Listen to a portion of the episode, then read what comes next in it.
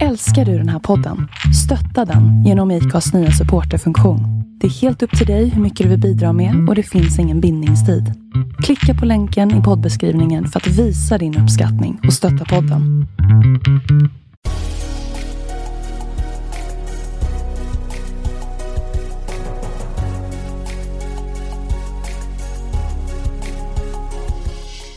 Välkomna till podden Vart är vi på väg? Med mig Jon Skoglund. Och med mig Jonathan Mellblom. I den här podden kommer vi intervjua framgångsrika sociala entreprenörer och experter inom ämnet socialt och impact entreprenörskap. Vi ger dig som lyssnare de bästa tipsen och den bästa inspirationen för hur man genom innovativa och entreprenöriella metoder kan hitta lösningar på samhällsutmaningar. Häng med!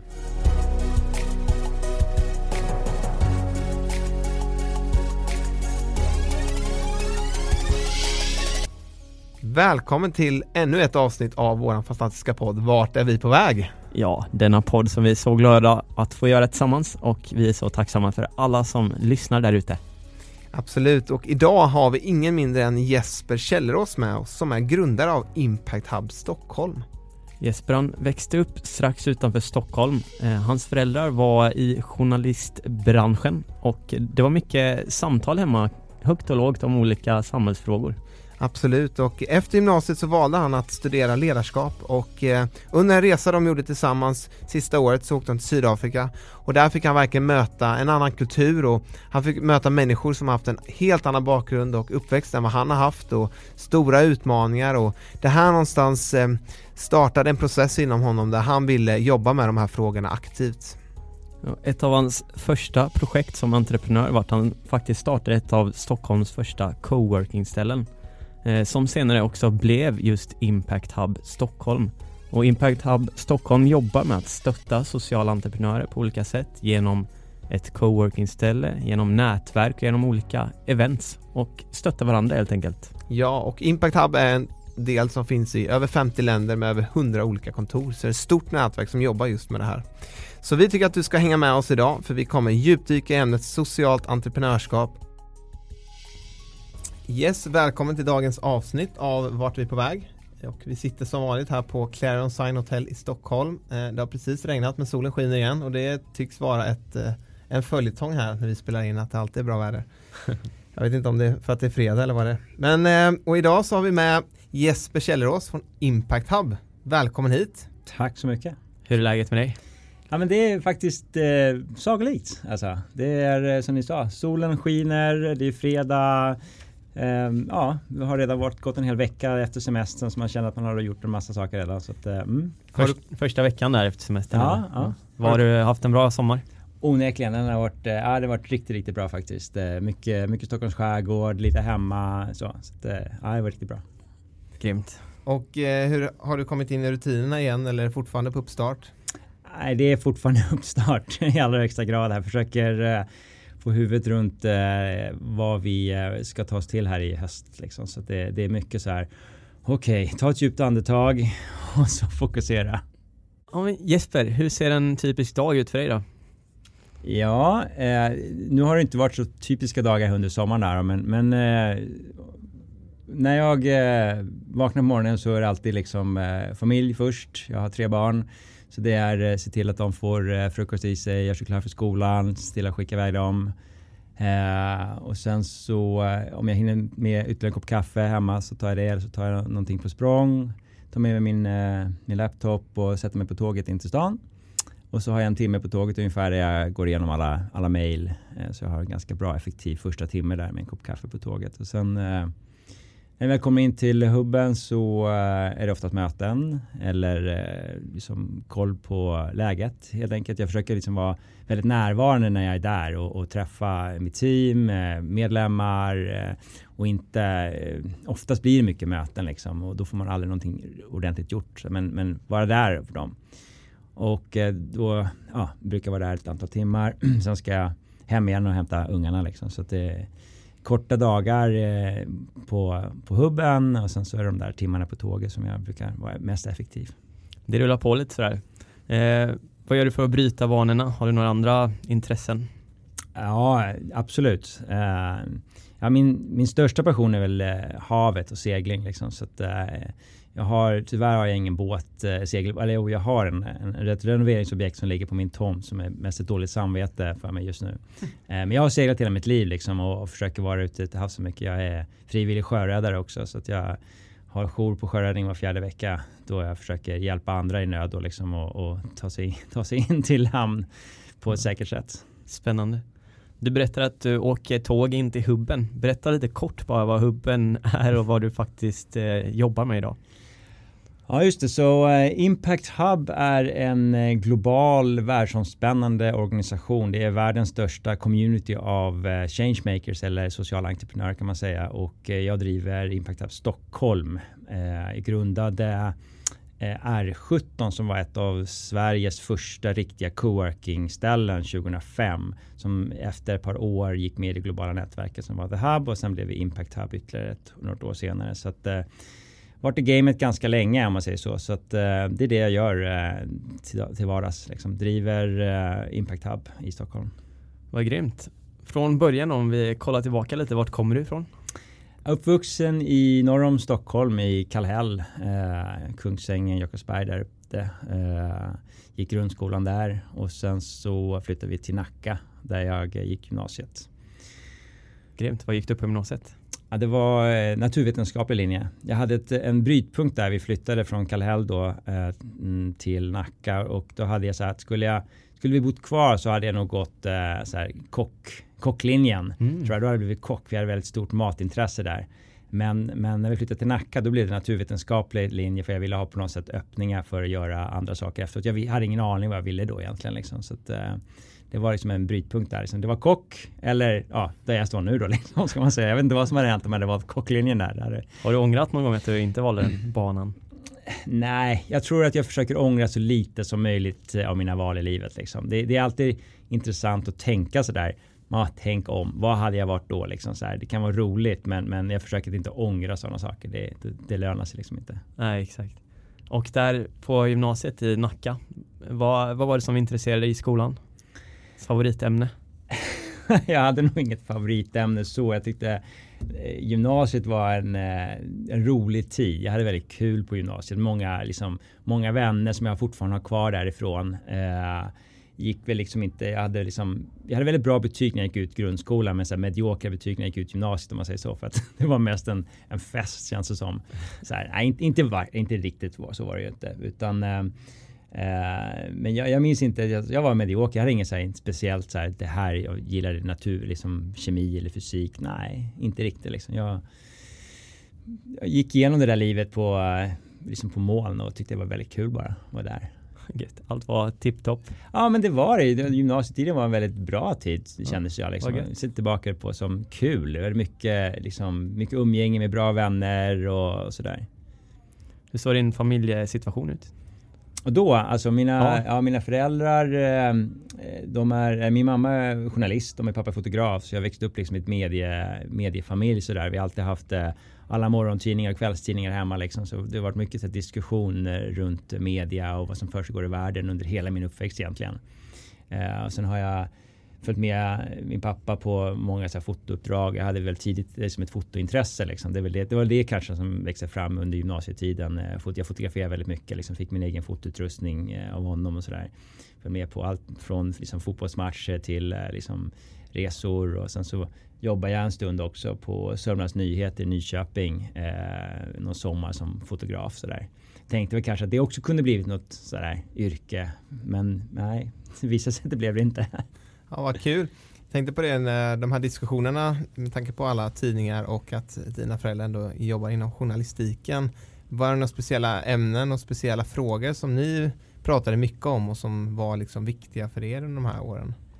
Ja, alltså mina föräldrar var ganska politiskt engagerade eh, när jag växte upp och eh, det har nog påverkat mig också. Liksom. Eh, vi gick i demonstrationståg och jag kommer ihåg den här eh, kärnvapen nej tack eh, som eh, det, eh, det, som hände då och och eh, kunde liksom vara på, redan på dagis liksom har jag hört historier om hur jag kunde liksom ställa mig upp och sjunga Internationalen liksom och få med mig hela liksom dagis eh, eh liksom på det där. Så att, eh, nej, men det har, vad, är det, vad är det för låt då? Nej men det är ju eh, det är som eh, kommunistpartiets eh, national... eh, Får jag höra ett smakprov? Ja, Nej, nu tror jag faktiskt jag har glömt den. Det var när man var 5-6 när man inte ens visste vad det var. Men, eh, men det där har i alla Jag tror det har satt spår i mig ändå liksom att de var väldigt så här eh, engagerade liksom i kärnvapenfrågor, Vietnamfrågor, sådana här eh, frågor liksom apartheid, du vet sådana saker kommer jag ihåg liksom hur, hur det diskuterades och, och ja vad var det för eh, år här ungefär? Hur gammal är du?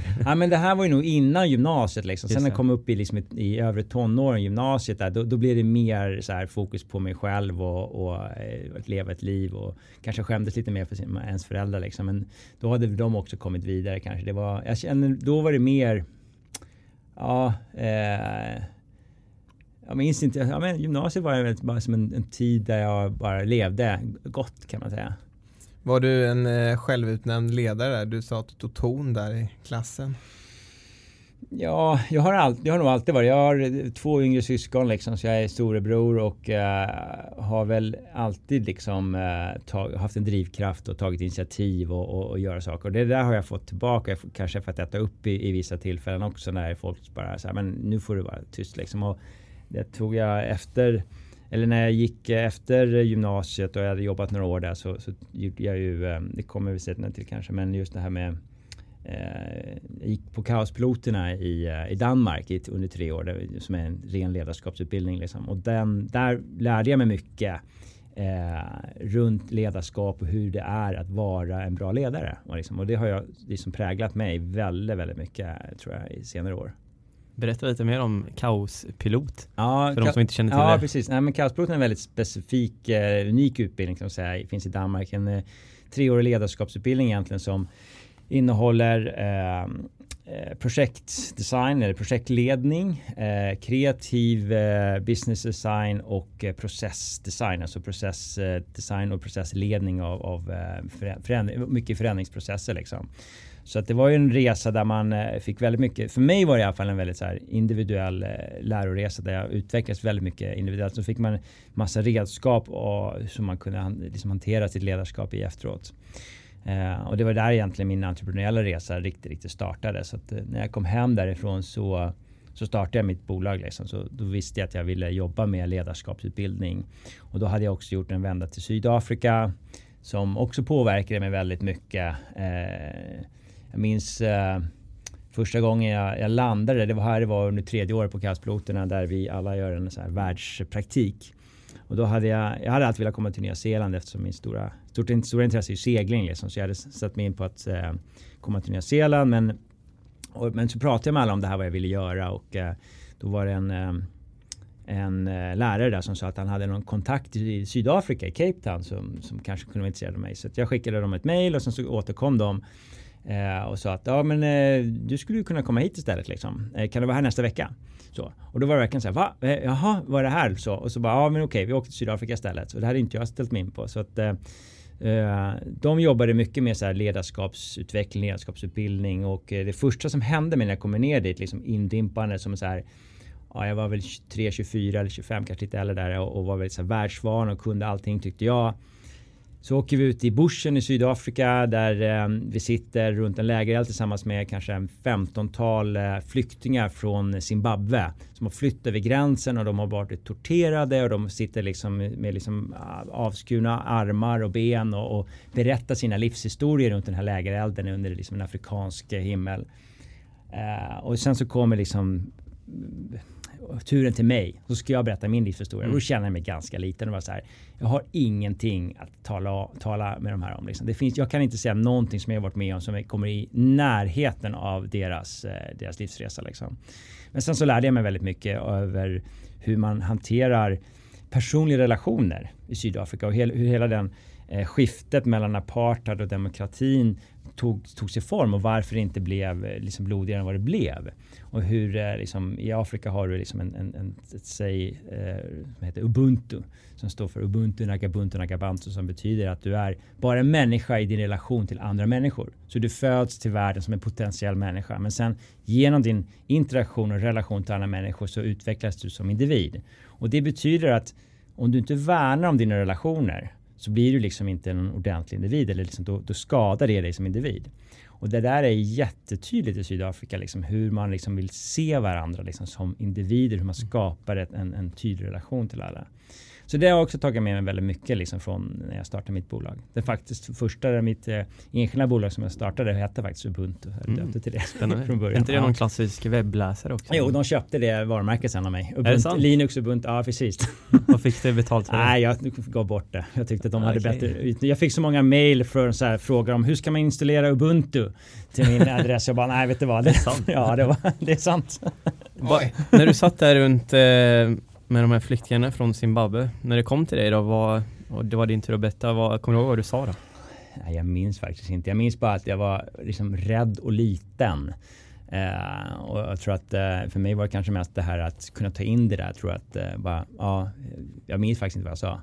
Men jag minns, jag minns väldigt mycket från, från den här resan. Liksom. Just det här med Ubuntu, just med hur, hur det hur egentligen enkelt men samtidigt väldigt svårt det är att vara sårbar och kunna skapa relationer till andra människor. Och jag tror att det här har jag också väldigt tagit med mig in till Impact Hub. Hur, hur viktigt vi tycker det är med till exempel eh, att, att se människor, liksom, att skapa, och det, det kommer vi till senare också, liksom, hur vi vad vi tycker, hur vi gör för att skapa ett, ett coworking-ställe där liksom vi värnar om varandra. Det handlar inte så mycket om, om mig utan det handlar om vår relation. Mycket mer. Och det här har vi ju också skapat på, på global nivå när vi kommer till det ämnet. Grymt. Ubuntu, det var din enskilda firma, ditt första projekt egentligen. Ja. Eh, vad gjorde du då? Ja, men då jobbade jag som ledarskapskonsult egentligen kan man säga. Utan eh, jag, jag hjälpte organisationer att eh, designa och facilitera förändringsprocesser egentligen kan man säga. Så eh, jobbat med allt från SCB till Capio. Jag, jag jobbade i nästan tre år i, Södertälje, Hovsjö för eh, eh, Hovsjö Fastigheter där som var väldigt, väldigt intressant och faktiskt ett projekt som jag, som jag fortfarande känner mig liksom stolt över där vi hjälpte det lokala fastighetsbolaget att skapa eh, liksom förutsättningar för de boende i området att ta del av utvecklingen i sitt boendeområde. Så, det- så det var eh, vi anställde helt enkelt ungdomar på sommaren att göra parkarbete. Och det låter kanske enkelt. Men när vi pratar om Hovsjö och eh, de flyktingar som bodde där och många kanske inte ens kunde svenska så var det en enorm utmaning. Det var, liksom, det var bränder, det var förstörelse, det var liksom allt möjligt. Liksom. Men, men vi, vad vi gjorde då, det var egentligen att ge de här ungdomarna eh, tillit att faktiskt göra det här själva och, och uppmärksamhet. Så vi gav dem alla så här jättestora, eller inte jättestora, men orangea t-shirts där det stod Hovsjösommar på. Jag köpte en husvagn som vi liksom stripade Hovsjösommar som vi varje morgon liksom körde in och ställde liksom i mitten av, av Hovsjö på det här, eh, i den här parken. Eh, och jag vet i slutet av sommaren, om det var första eller andra sommaren, så, så brann den här husvagnen ner. Eh, och eh, jag vet inte om ni läste det för flera år sedan. Då, så, och, och även Hovsjöskolan brann ju ner. Det var mycket sådana bränder där liksom. Men då var det verkligen så här att när Ho- efter Hovsjöskolan brann ner så stod de här ungdomarna fortfarande och jobbade och rullade ut gräsmattor och hade den här liksom eh, tagit sig an sitt område och kände liksom mycket, mycket mer stolthet över det liksom. Så att jag tror att sådana projekt eh, ja, har också präglat mig liksom, över hur man kan se att människor faktiskt kan ta ansvar och vill, vill gärna vara med att, att göra skillnad. Mm. Och eh, när vi är inne på det här då lite kring din entreprenörsresa som startade där. Eh, vad, vad tog du vidare sen och vad, hur ser resan ut där? Ja, sen efter ett par år så, eh, så gick jag med i ett, eh, ett konsultnätverk som heter Fluid Minds Business Revolutionaries. Så då var vi ett eh, tiotal människor kanske som jobbade under ett samma varumärke då där vi jobbade mycket med att hitta nya sätt att eh, applicera business på, på samhället egentligen. Och fortfarande som organisationskonsult men kanske lite större uppdrag tillsammans med andra jobbar jag under det här varumärket då i, i något år och i den vevan så eh, kände vi i det nätverket att vi ville sitta med lik, likasinnade människor. Vi ville liksom skapa någonting större och några i det nätverket hade också varit med och grundat United Spaces. När det här, nu pratar vi 2003, 2004 liksom. Eh, när det låg på Kungsholmen. Och, eh, och, och, och, det var faktiskt så att under min tid på Kaospiloterna så, så gjorde jag, hjälpte jag United Spaces att flytta från Kungsholmen till Södermälla strand. Nu sitter de ju på, eh, i, i city. Eh, så jag hade träffat några av dem innan där också. Men då eh, startade vi ett av de riktigt, skulle jag vilja säga, de, den, ett av de första coworkingställena i Stockholm eh, under varumärket R17 som just låg på Riddargatan 17. För då var det så att det var några eh, i den här eh, konstellationen som hade suttit på Riddargatan 17 tidigare men när Spray låg där på den tiden.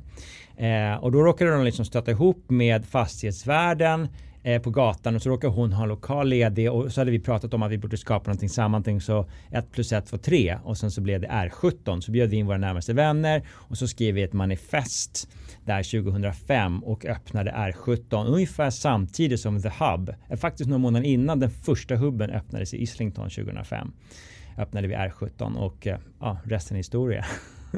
Okej, så det är egentligen från och med de åren som det här med hubben har varit igång om man kan säga? Ja, precis. Så eh, The Hub eh, grundades 2005 av Jonathan Robinson i, i England, i Islington. Det öppnades den första hubben.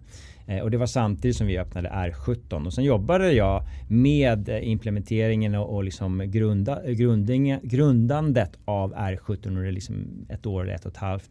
Eh, och sen så började jag komma mer in i, i, i konsultingen igen då. Sen gjorde jag en egen personlig resa där efter ett par år där jag fick mitt andra barn. Eh, då vi eh, eh köpte en båt i USA så seglade vi i Karibien i ett år. Eh, för att ja, segling är min stora passion liksom och då tyckte jag att där kan mina barn växa upp. Liksom. Så att när min dotter var sex månader så, eh, så tog vi pick och pack och så, så hyrde vi ut lägenheten och så drog vi till USA där vi köpte en båt som vi först renoverade och sen så seglade vi via Kuba till Mexiko. Och sen när jag kom tillbaka... Ja. Hur var det då? Ja, ja, det var ju fantastiskt. Det var ju, det var ju verkligen eh, magiskt. Det var det ju. Jag skulle nog inte göra om det med så små barn om man säger så. Eh, men eh, nej, men jag, jag upplevde det som en, en, magisk tid faktiskt, verkligen. Och komma väldigt nära liksom, naturen. Segling för mig är liksom att vara nära naturen och, och vara närvarande i, i det. Jag kan känna mig ganska frånvarande när jag sitter på jobbet i dagsläget. Liksom, med min, mycket mejl, mycket framför datorn. Liksom. Jag, det är därför jag är också med i sjöräddningen lite grann. Att komma ut på havet, att få vara en del av, av det är väldigt viktigt för mig. Mm. Eh, men när jag kom tillbaka därifrån så tog jag över verksamheten eh, som då hade gått med i det internationella nätverk som var The Hub på den tiden. Och så köpte jag ut han som drev eh, bolaget då för mina sista. Jag sålde båten i, i typ i, i, i, USA. Jag seglade upp den tillbaka i, över Mexikanska golfen, sålde den där och så för de pengarna så typ så köpte jag ut honom på, på The Hub Stockholm. Och sen så började ni bygga det helt enkelt? Precis, så, så jag, eh, jag flytt, vi flyttade till eh, Nynäshamn, jag fick mitt tredje barn och köpte hubben där under hösten 2011. Det var en, det var en hektisk höst, om mm. man säger så. Och The Hub och sen nu då även Impact Hub, de nätverken, vad, hur är de uppbyggda där då? Ja, precis. Så att det startade som The Hub 2005 och eh, under ett antal år så drevs det som en ren franchise egentligen. Eh, men det kom en tidpunkt där runt 2000 2009, precis att vi hade gått med, där. De 9-10 hubbarna i, i, det kanske var några fler, jag tror vi var 18 hubbar då, framförallt i Europa, som såg att vi ville göra det här på ett mycket mer eh, liksom demokratiskt sätt. Vi kan inte fortsätta driva det som en ren franchise. Det var då vi bildade Impact Hub Association eh, med säte i Wien. Som i dagsläget på något sätt äger varumärket Impact Hub. Och så har vi en licens att driva det eh, i, våra, i våra städer. Och med den licensen kommer också en röst och en eh, ett ansvar att agera som representanter för Impact Hub lokalt. Men också att agera som representanter i vår globala utveckling. Så vi träffas minst en gång om året fysiskt på någon plats i världen där vi pratar om hur vi vill bedriva vår strategi eh, vidare. Liksom. Så från 2010, där, 2009, där, var, där hade vi bildade eh, eh, den, den, den juridiska enheten som sitter i Wien till att vi böt varumärke 2011 till Impact Hub för vi ville liksom understryka att vi jobbade just med samhällspåverkan. Det var därför vi driver sådana här liksom hubbar överhuvudtaget. Till där vi är idag så finns vi nu på över 100 platser runt om i hela världen liksom på, i mer än 50 länder. Wow. Och vad är det som har drivit dig att jobba med entreprenörskap under, under alla dina år egentligen?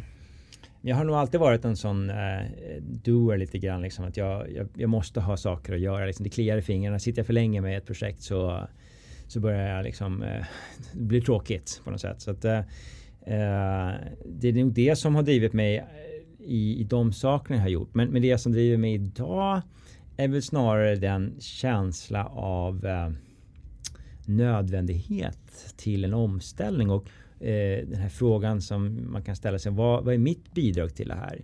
Jag har tre barn liksom. En, den, yngst, den äldsta liksom är under tonåren och så den yngsta i sjuårsåldern. Så här. Och vad är det för framtid jag liksom vill vara med att skapa för dem? Och jag tror att det är det lite grann som, som driver mig. Jag brukar alltid ta upp exempel när jag får frågan. När jag brukar prata om Impact Hub här i den här, liksom, på många olika ställen. Så brukar jag säga, jag tar ett exempel när min, min, min äldsta son då, när han var tror han var 11, för några år sedan nu, så kom han till mig en kväll och sa att han inte kunde sova. Och så frågade jag varför han inte kunde sova. Jag bara, men han hade några mardrömmar sa han. Och då frågade jag varför han hade mardrömmar och så säger han att ja, men jag, eh, jag har sett den här uh, filmen. Och då tänker jag att han har sett någon film hos någon kompis, någon 15-årsfilm som en skräckfilm. Och så frågar jag vad är det för film han har sett? Och då har han sett uh, filmen Home om våran planet i skolan som är gjord 2009 eh, om liksom the state of the planet lite grann, vårt hem. Och så säger han pappa, men vi har ju bara fem år på oss liksom, att göra någonting på det här. Liksom. Och, det är därför, och därför hade han mardrömmar. Och det här är ju ännu mer relevant idag. Eh, lite grann. Så att, eh, och, där, och där känner jag liksom att vad, vad kan jag göra för det? Liksom? Och då tror jag lite grann på att det vi skapar med Impact Hub är förutsättningar för alla att kunna ta en del av det här. Sen är vi väldigt li, en väldigt liten organisation lokalt kanske, men vi har haft tusentals entreprenörer genom vårt system genom åren. Vi har haft eh, hur mycket event som helst och eh, vi har en global community bakom oss på något sätt och, som vi vill vara en del av. Är det lite en känsla av eh, desperation kan man säga i dig att, att vi måste göra någonting liksom?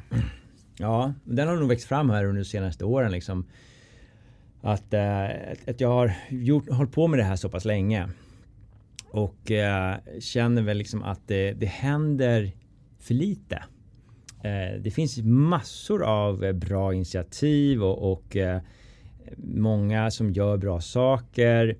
Men det finns också en, en, en, eh, en annan så diskurs eh, Eh, där, där man ser liksom hur eh, skövlingen av regnskogen i Brasilien liksom ökar genom eh, den nya eh, presidenten där. Och, eh, man ser hela den här högerrörelsen som, som är på inmarsch i, eh, i Europa.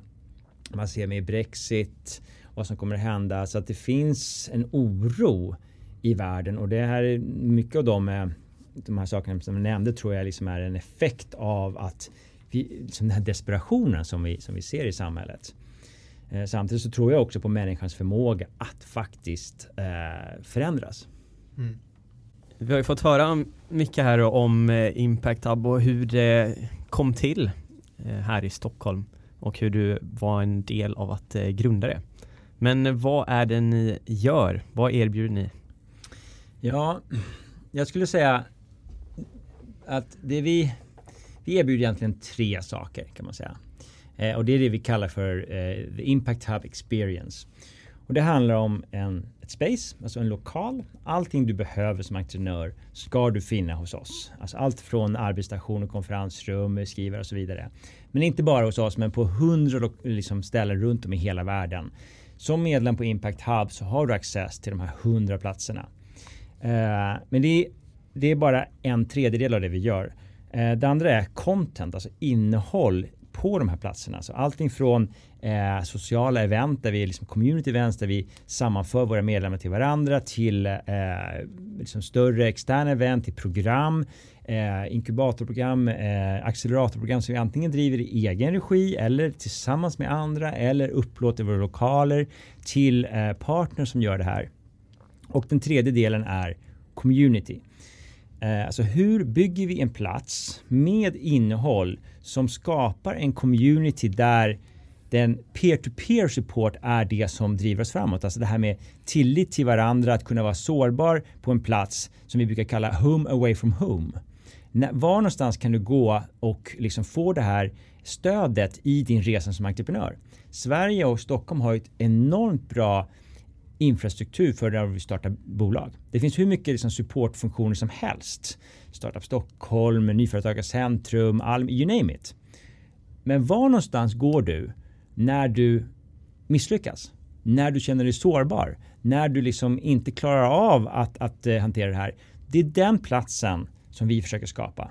Uh, och jag tycker det är, så, det är så härligt att höra de här historierna från våra medlemmar. Alltså, Eh, jag, det exempel som jag brukar ta det var vi hade en, en medlem som hon drev en stiftelse för um, unga tjejer att få en, en, en, kvinnlig mentor. Och hon, hon sa till mig någon gång att om det inte hade varit så att hon hade suttit på Impact Hub så hade hon nog aldrig lyckats. Inte så mycket för att vi faktiskt gav henne en del liksom support med liksom billigare konferenser och hyror och så vidare. Men också för att, men just för att vi skapade en plats där när hon misslyckades så hade hon någon annan där inte så mycket impact Hub, men våra medlemmar, alltså den här kulturen eh, som vi har odlat under många, många års tid sitter kvar där. Liksom. Det är den som, som eh, är det unika med Impact Hub. Mm. Vilka är det som är medlemmar i Impact Hub och finns det några krav på att få vara medlem? Nej, det finns inga krav på att vara medlem. Eh, våran vision är people taking collaborative action for a better world. Alltså alla människor måste samarbeta för att skapa en bättre värld. Det är våran vision. Så att vi vill ju inkludera alla och det är jätteviktigt för oss att vi har en diversitet. Vi vill inte bara ha techbolag eller unga startups eller liksom stora bolag utan det är diversiteten mellan unga startups, unga bolag till eh, sådana som har jobbat med 10-20 år i samma verksamhet till liksom större liksom, institutioner och organisationer. Det är den här eh, diversiteten av människor och bolag som gör att, eh, att det blir en sån smältdegel eh, av, av, av, av innovationer eh, kan man säga. Eh, och det vi brukar säga, det vi brukar, lite som jag brukar ha i tankarna när, när jag träffar nya medlemmar, det är först och främst vem man är. Vem är man som individ? Vilka värderingar tar du med dig som individ till våran community som du kommer påverka oss med? Eh, och vad har du för historia med dig? Vad har du för bakgrund? Vilka kompetenser kommer du kunna vara med och bidra till? Och det sista egentligen jag är intresserad av är vad driver du för typ av företag eller bolag eller organisation. För de två första, eh, om inte det liksom stämmer överens, är inte det så att du vill bidra då kommer inte vi växa som community. Och jag tror att det där är liksom nyckeln till att skapa en community som där man har peer-to-peer support, man lär sig från varandra, man skapar en, en, en förutsättning för att kunna fallera också. Det är att man bidrar med hela sig själv mm. som individ, liksom på riktigt. Just det, så det finns inga krav egentligen på medlemskapet men ni ser gärna att man är med och delar er vision. Ja, absolut. Ja. Och det, och jag, jag, tror att det här med diversitet är viktigt. Man, man kan ju ha olika sätt att eh, applicera sin, sina produkter eller, eller tjänster liksom för att skapa mening och skapa impact och så vidare. Eh, men, men just det här med att, eh, att vilja bidra och att eh, kunna vara helt ärlig och transparent liksom med vem man är. Att man kan vara sårbar. Det är ganska få ställen tror jag där man kan vara på riktigt. Liksom. Sen du kanske har dina närmaste vänner liksom, men, men nämn ett annat riktigt coworking-ställe där du känner liksom den här den riktiga tillhörigheten. Jag tror det, det är ganska unikt. På vilket sätt eh, lyckas ni ändå eller modellera just den här sårbarheten och öppenheten gentemot varandra? Ja, dels är det ju att vara det själv.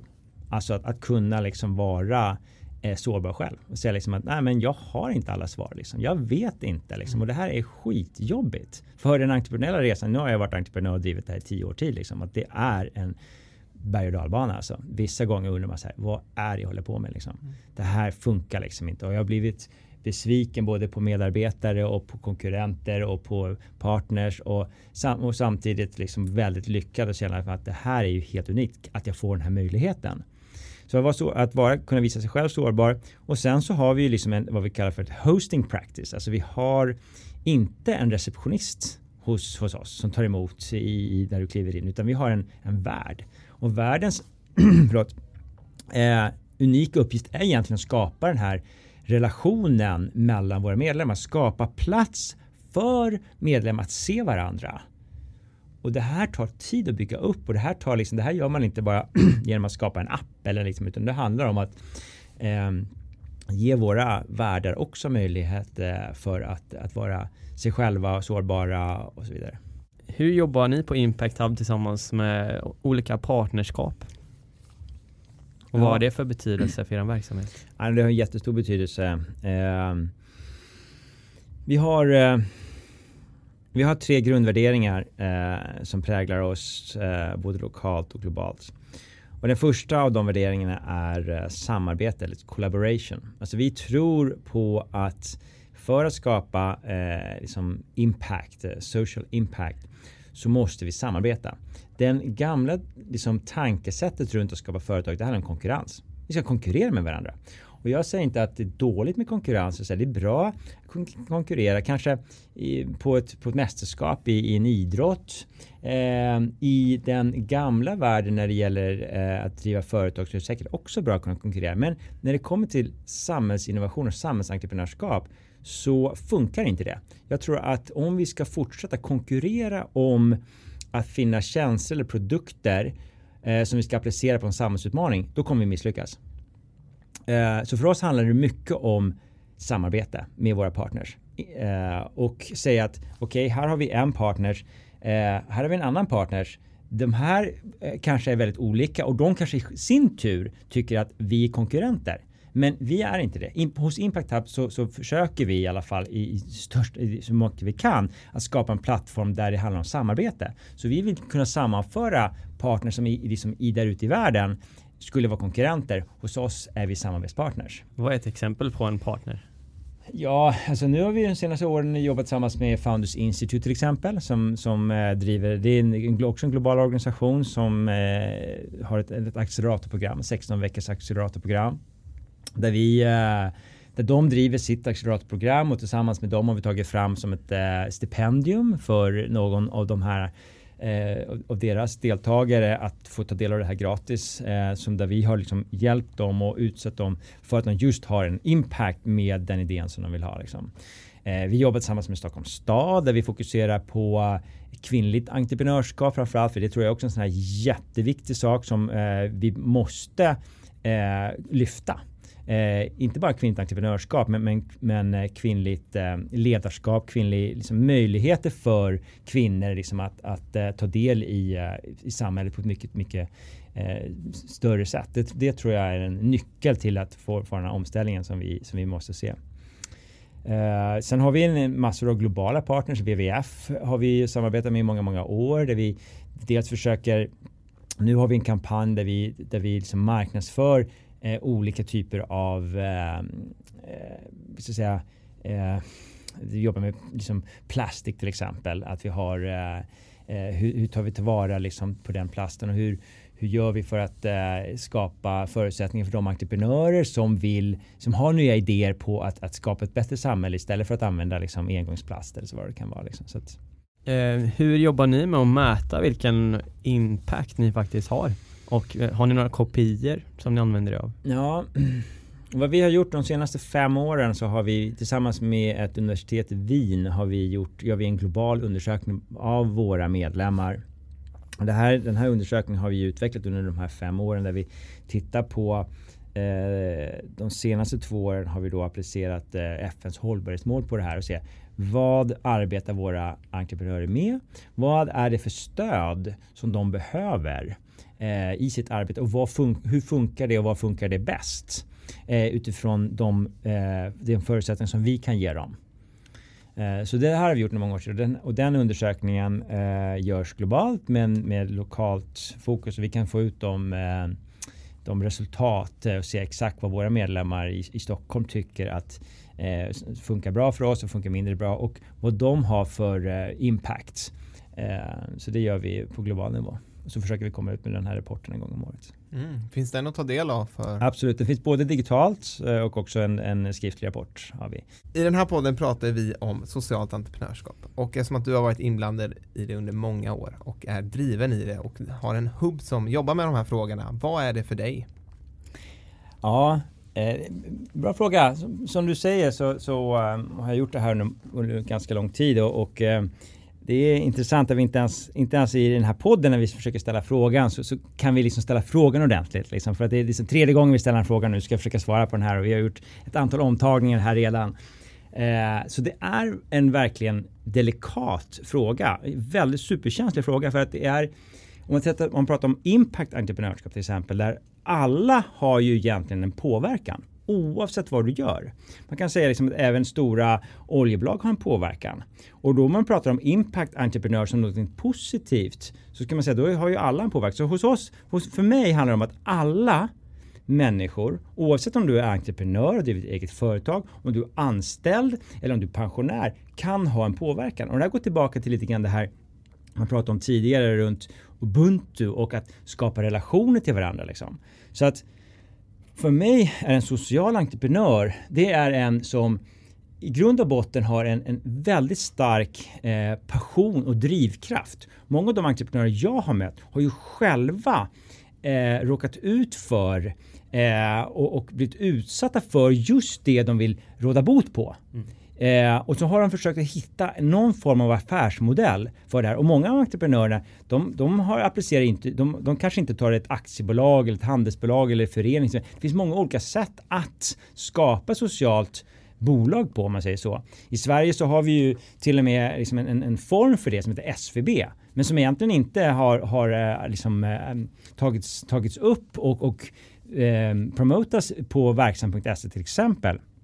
Så att Eh, för mig är det ju just den här drivkraften att skapa förutsättningar för eh, en förändring som gör, som är eh, en, en, det är det som är socialt entreprenörskap. Skapa förutsättningar för förändring egentligen. För vi måste se förändring. Eh, och det svåra i det här är egentligen att eh, på riktigt identifiera den utmaningen. För det är väldigt lätt att hitta en, eh, applicera och skapa en, en produkt eller en app som tar hand om eh, liksom det, det som, eh, eh, som, som skapas av utmaningen. Ta eh, ungas ohälsa till exempel. Liksom. Då skapar vi en app som gör att de kan eh, eh, titta mindre på sin mobiltelefon eller vad det kan vara på något sätt. Men att vad är det som skapar den unga ohälsan? I Frankrike så har de tillsatt en lag nu som gör att alla under 15 inte får mobiltelefoner i skolan. Så när, när, franska ungdomar under 15 kommer tillbaka till skolan, då är det olagligt för dem att ha eh, smartphones i, i skolan. Och jag säger inte att det är liksom rätt eller fel. Jag eh, tycker att eh, liksom, teknik och, och samhällsutveckling är jätteviktigt att applicera. Men hur påverkar det oss att eh, eller ungdomar framförallt, liksom, att alltid ha en, en smartphone i, i skolan. Så att jag, tror, jag tror mycket mer det handlar om att vi behöver eh, gå till botten med vad, vem är man som människa? Och hur skapar vi en, en, en ärlig eh, och riktig relation till de som liksom vi umgås med?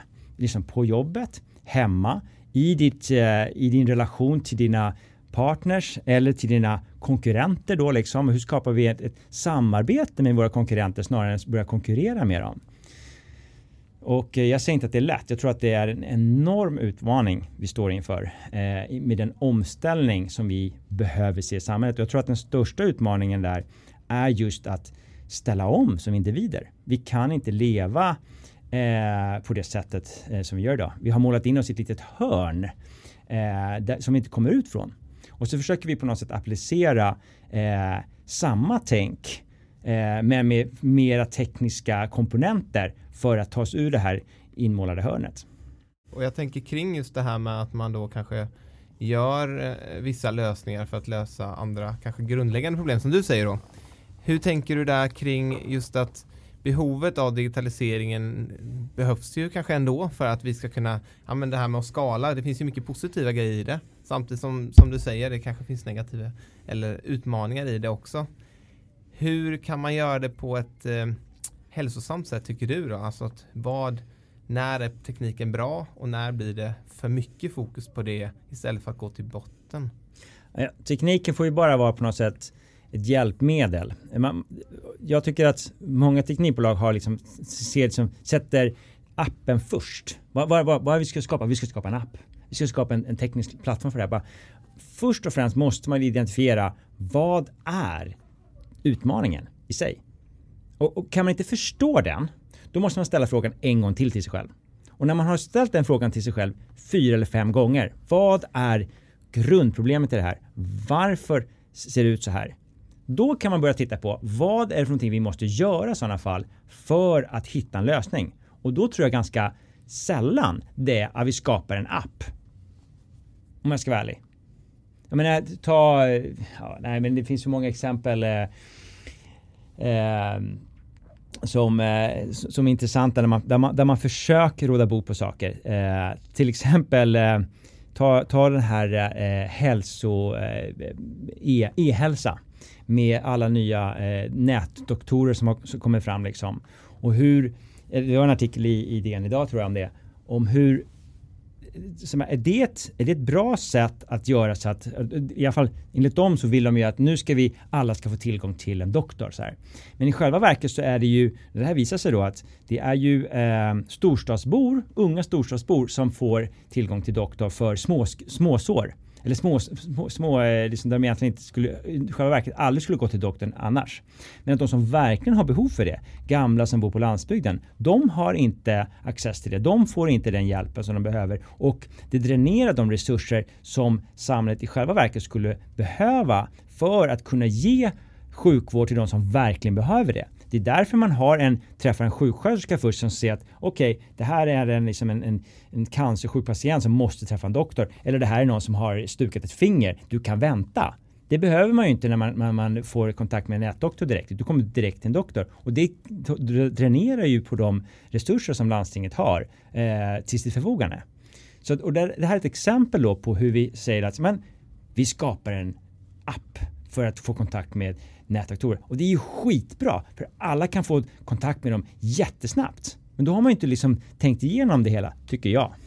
Många av de här företagen och produkterna kan ju ändå undanröja ganska många eh, onödiga eh, läkarbesök också. Det är väl det de har till sin försvar eller vad man säger. Precis, men absolut. Och jag säger inte att jag har själv använt det faktiskt eh, när det var en söndag och jag, eh, min son inte hade, han hade fått något som jag, tänkte att nu ska jag åka in till en eh, in till en akut för det här liksom. Då kunde jag ringa dem istället så, så kunde jag slappna av.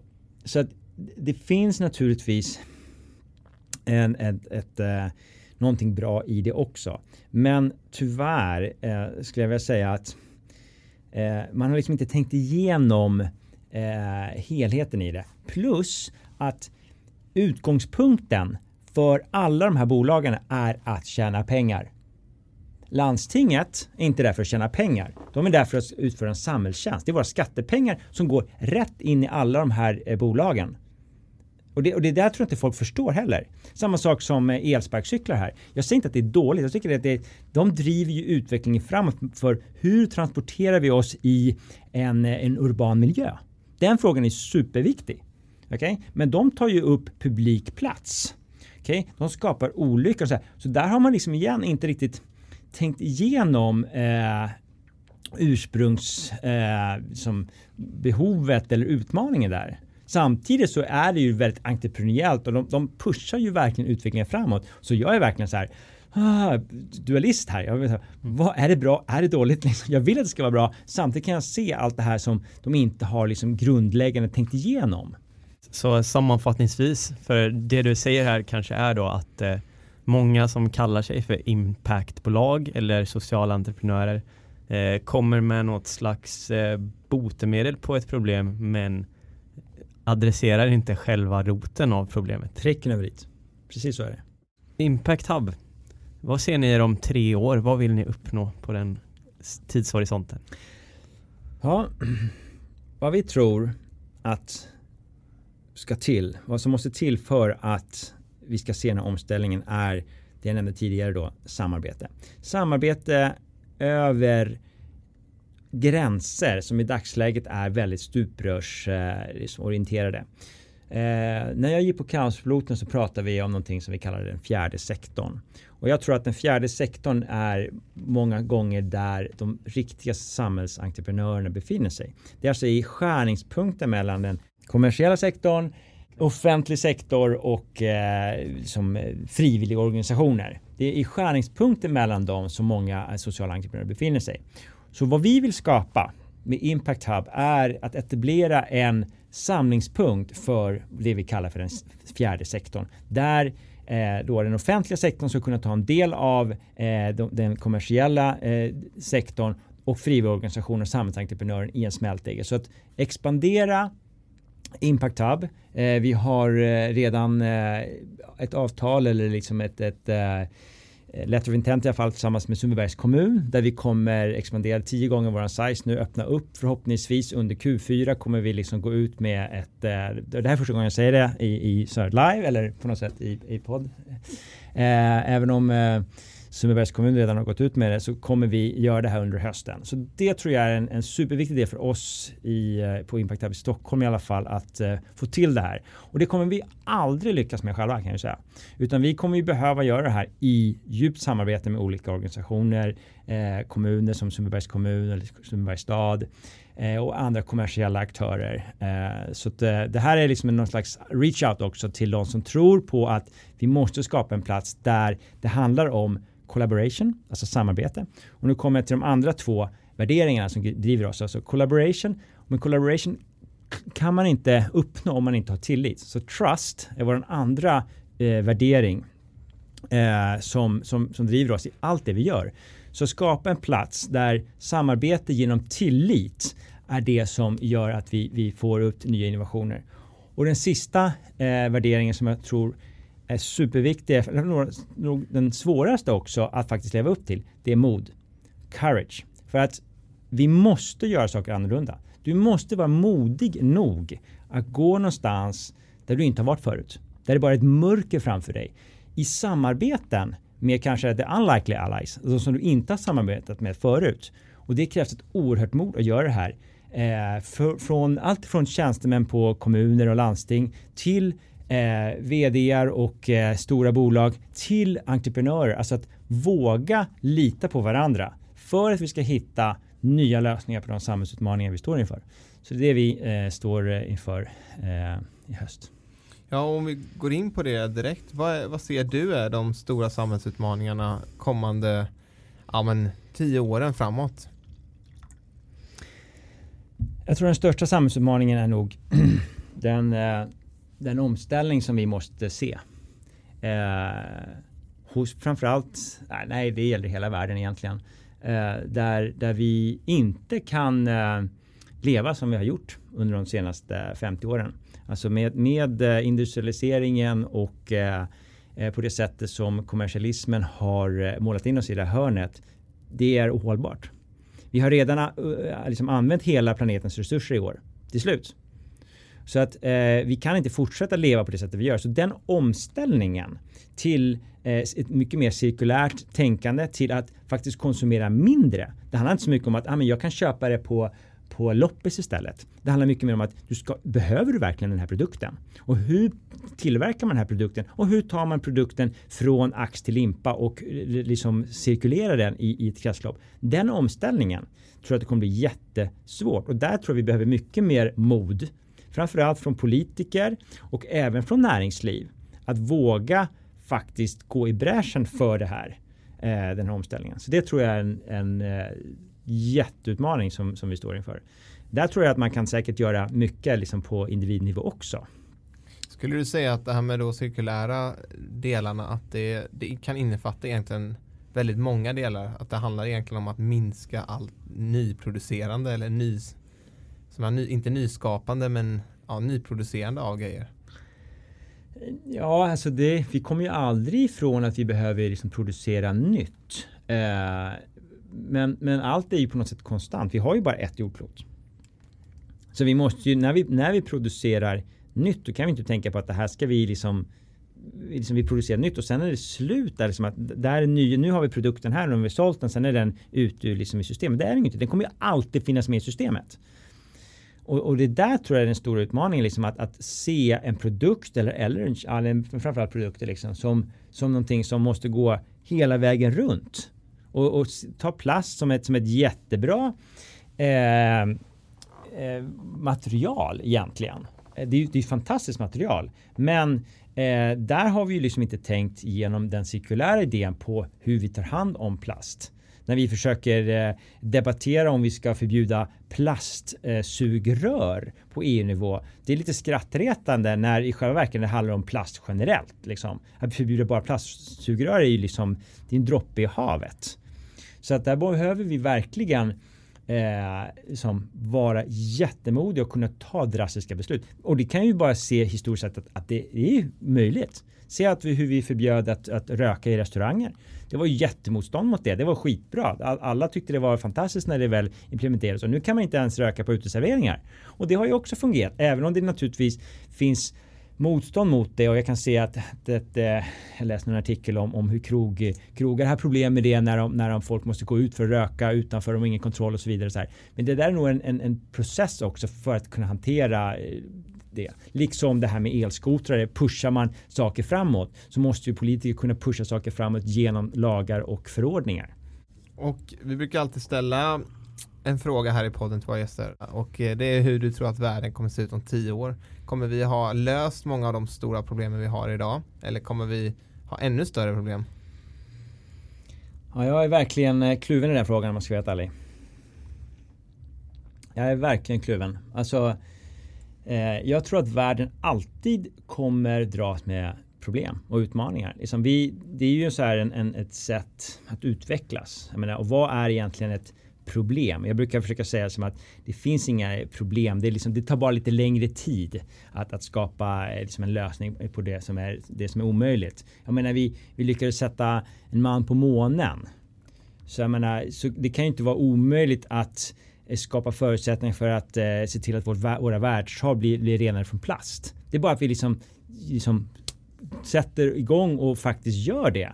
Eh, och, och, har modet nog att gå i bräschen och säga så här, det här är det vi vill göra. Och där tror jag man kan, jag tror Sverige skulle kunna vara liksom modigare och duktiga på det och vi har ju visat historiskt också Eh, att, att vi har lyck, liksom tagit, spelat en, en bra roll i det liksom internationella spelet på det sättet. Och där hoppas jag också att Impact Hub, då, vi är ju ett globalt nätverk, att vi också kan anamma modet ännu mer som världens största globala liksom, community eh, för förändring så behöver vi vara modiga och säga så att det här är det som vi måste förändra. Och då finns det ju sådana saker som eh, som jag tror är viktigare än, än andra saker. Och, och, en sak som, som jag har tänkt på senaste åren det är det här med eh, hur man ger eh, liksom kvinnor möjlighet till, eh, till ledarskap och, och, makt egentligen. Jag menar, vi har levt i ett patriarkat här i, i ja, så länge vi kan minnas egentligen och det har ju också försatt oss i en situation där vi är idag.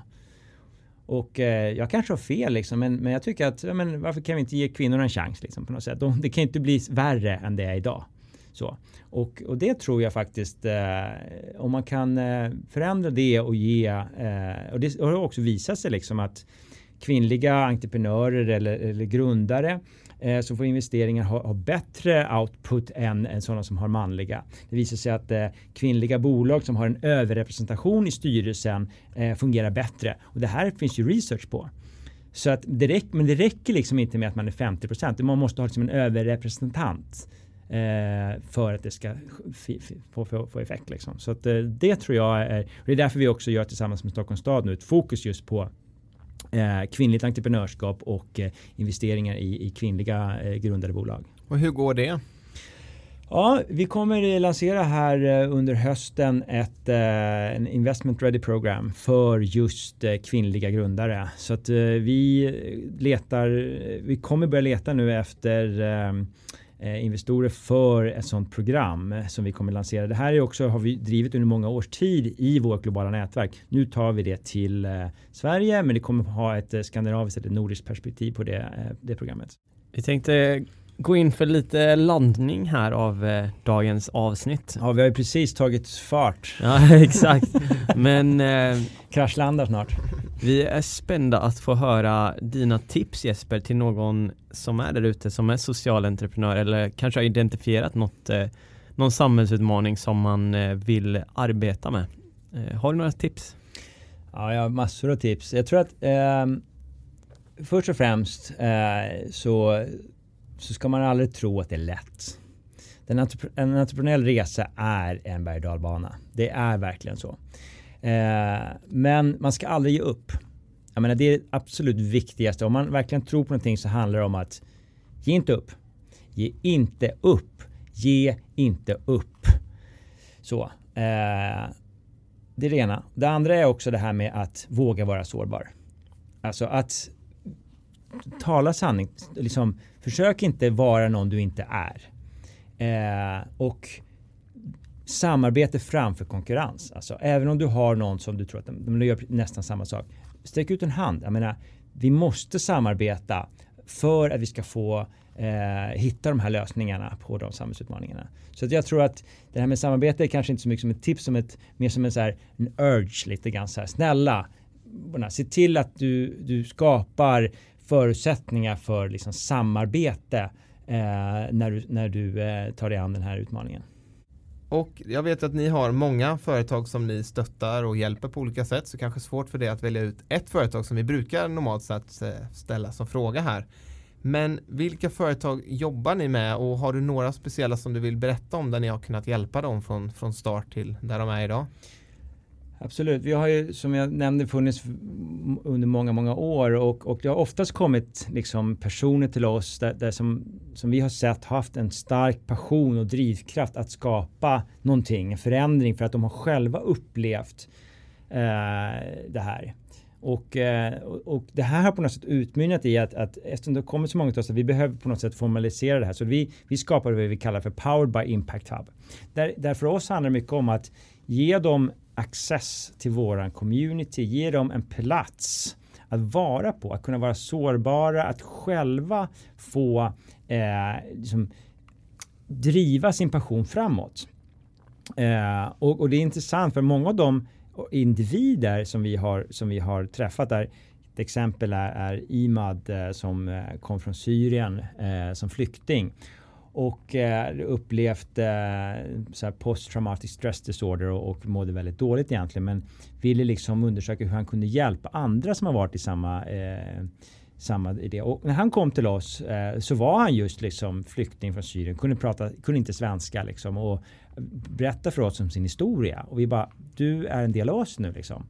Och det han skapade nu, eh, det hans första produkt var liksom en bok som heter Sarah's Journey. Som, som handlar om, eh, som han tog fram tillsammans med eh, forskare för att hjälpa barn framförallt med sån här posttraumatic stress disorder. Eh, till han är nu med sitt bolag Kidnovation eh, och eh, jag tror det var förra året så fick han pris av kungen som årets eh, nyföretagare i Sverige. Och eh, att se hans resa och hur vi har kunnat liksom hjälpa honom på vägen. Det ger mig så här, tilltro till att bara man ser människor och, och ger dem nycklar. Sen är det intressant att eh, ett annat exempel är eh, eh Daycape. Eh, som var en eh, kille som kom direkt från Bergs eh, eh School of Communication. Där, eh, som hade en, en, han hade, när han var ung så hade han en, en viss del av autism. Och den här eh, appen, som är en app, hjälper barn eh, och lärare och sina föräldrar att planera dagarna för dem egentligen. Så att han har ju själv varit en del av det här och vi tog in honom också precis liksom utifrån skolan. Vi såg honom som individ, vi såg hans drivkraft och sen har han tagit fram den här och eh, han blev också in, invald till exempel till Reach for Change program. Men långt senare, efter han hade fått eh, liksom den här på plats och allting klart. Samma sak med Iman, han blev också invald till dem.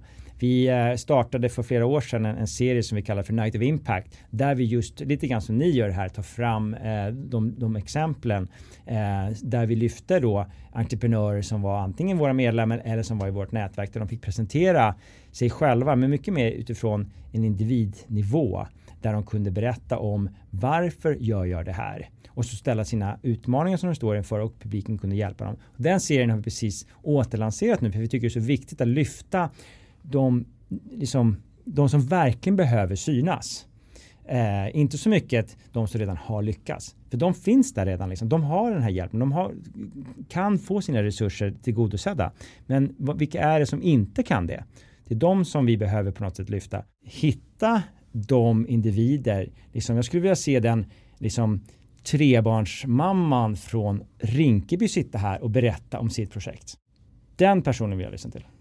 Och det var ju också ett bra tips då för vi, nästa fråga är just vem du skulle vilja se intervjuas här. Ja, jag har nog inget namn så direkt liksom, men jag skulle vilja höra en, eh, en uh, ung eller en, en gammal mamma eller kvinna som har kanske kommit från ett annat land men ändå eh, bor kvar och gör en skillnad i sin community där hon bor.